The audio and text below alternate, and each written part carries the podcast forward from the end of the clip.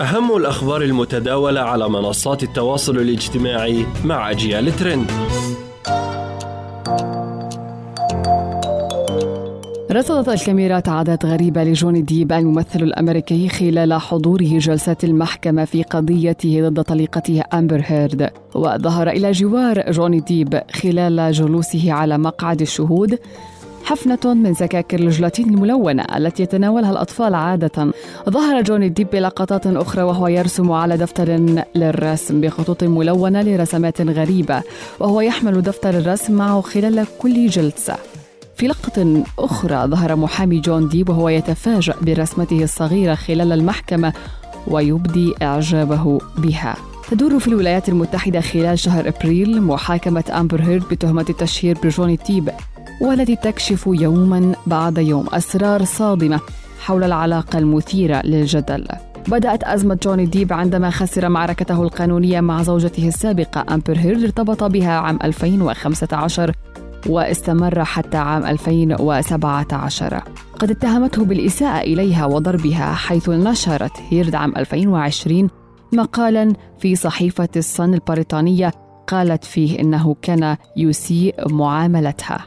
قرر ديب مقاضاة هيرد بسبب مقالها الذي أثار ضجة واسعة متهما إياها بالتشهير وهي القضية التي تدور في محاكم كاليفورنيا الآن.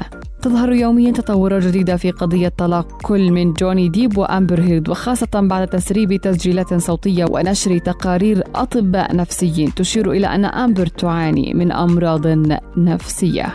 يثير استحواذ الملياردير إيلون ماسك على تويتر مخاوف من أن تشهد الشبكة الاجتماعية سيلا من الرسائل البغيضة والخطرة لكن خبراء ينتظرون ليروا كيف سيتعامل مع المعادلة المعقدة المتعلقة بالإشراف على المحتوى وضبطه. يشعر البعض بالقلق من إمكان تراجع الشبكة على صعيد مسألة الضبط الحساسة بعدما اشتراها رئيس تسلا وسبايس إكس الذي يؤمن بحرية التعبير المطلقة.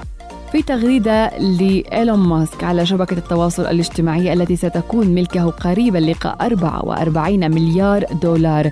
لاحظ أن ثمة ردة فعل شبيهة بالأجسام المضادة من أولئك الذين يخشون حرية التعبير. ورأى أنه معبر جدا وثم ترقب لمعرفة الطريقة التي سيعيد بها أغنى إنسان في العالم. ترتيب الأمور على شبكة يبلغ عدد مستخدميها النشطين يوميا 217 مليونا أكثر من 80% منهم خارج الولايات المتحدة. إلى هنا نصل وإياكم مستمعي ومستمعات إلى ختام أجيال ترند نلقاكم في حلقات قادمة. تحياتي لكم. حنان محبوبة. إلى اللقاء.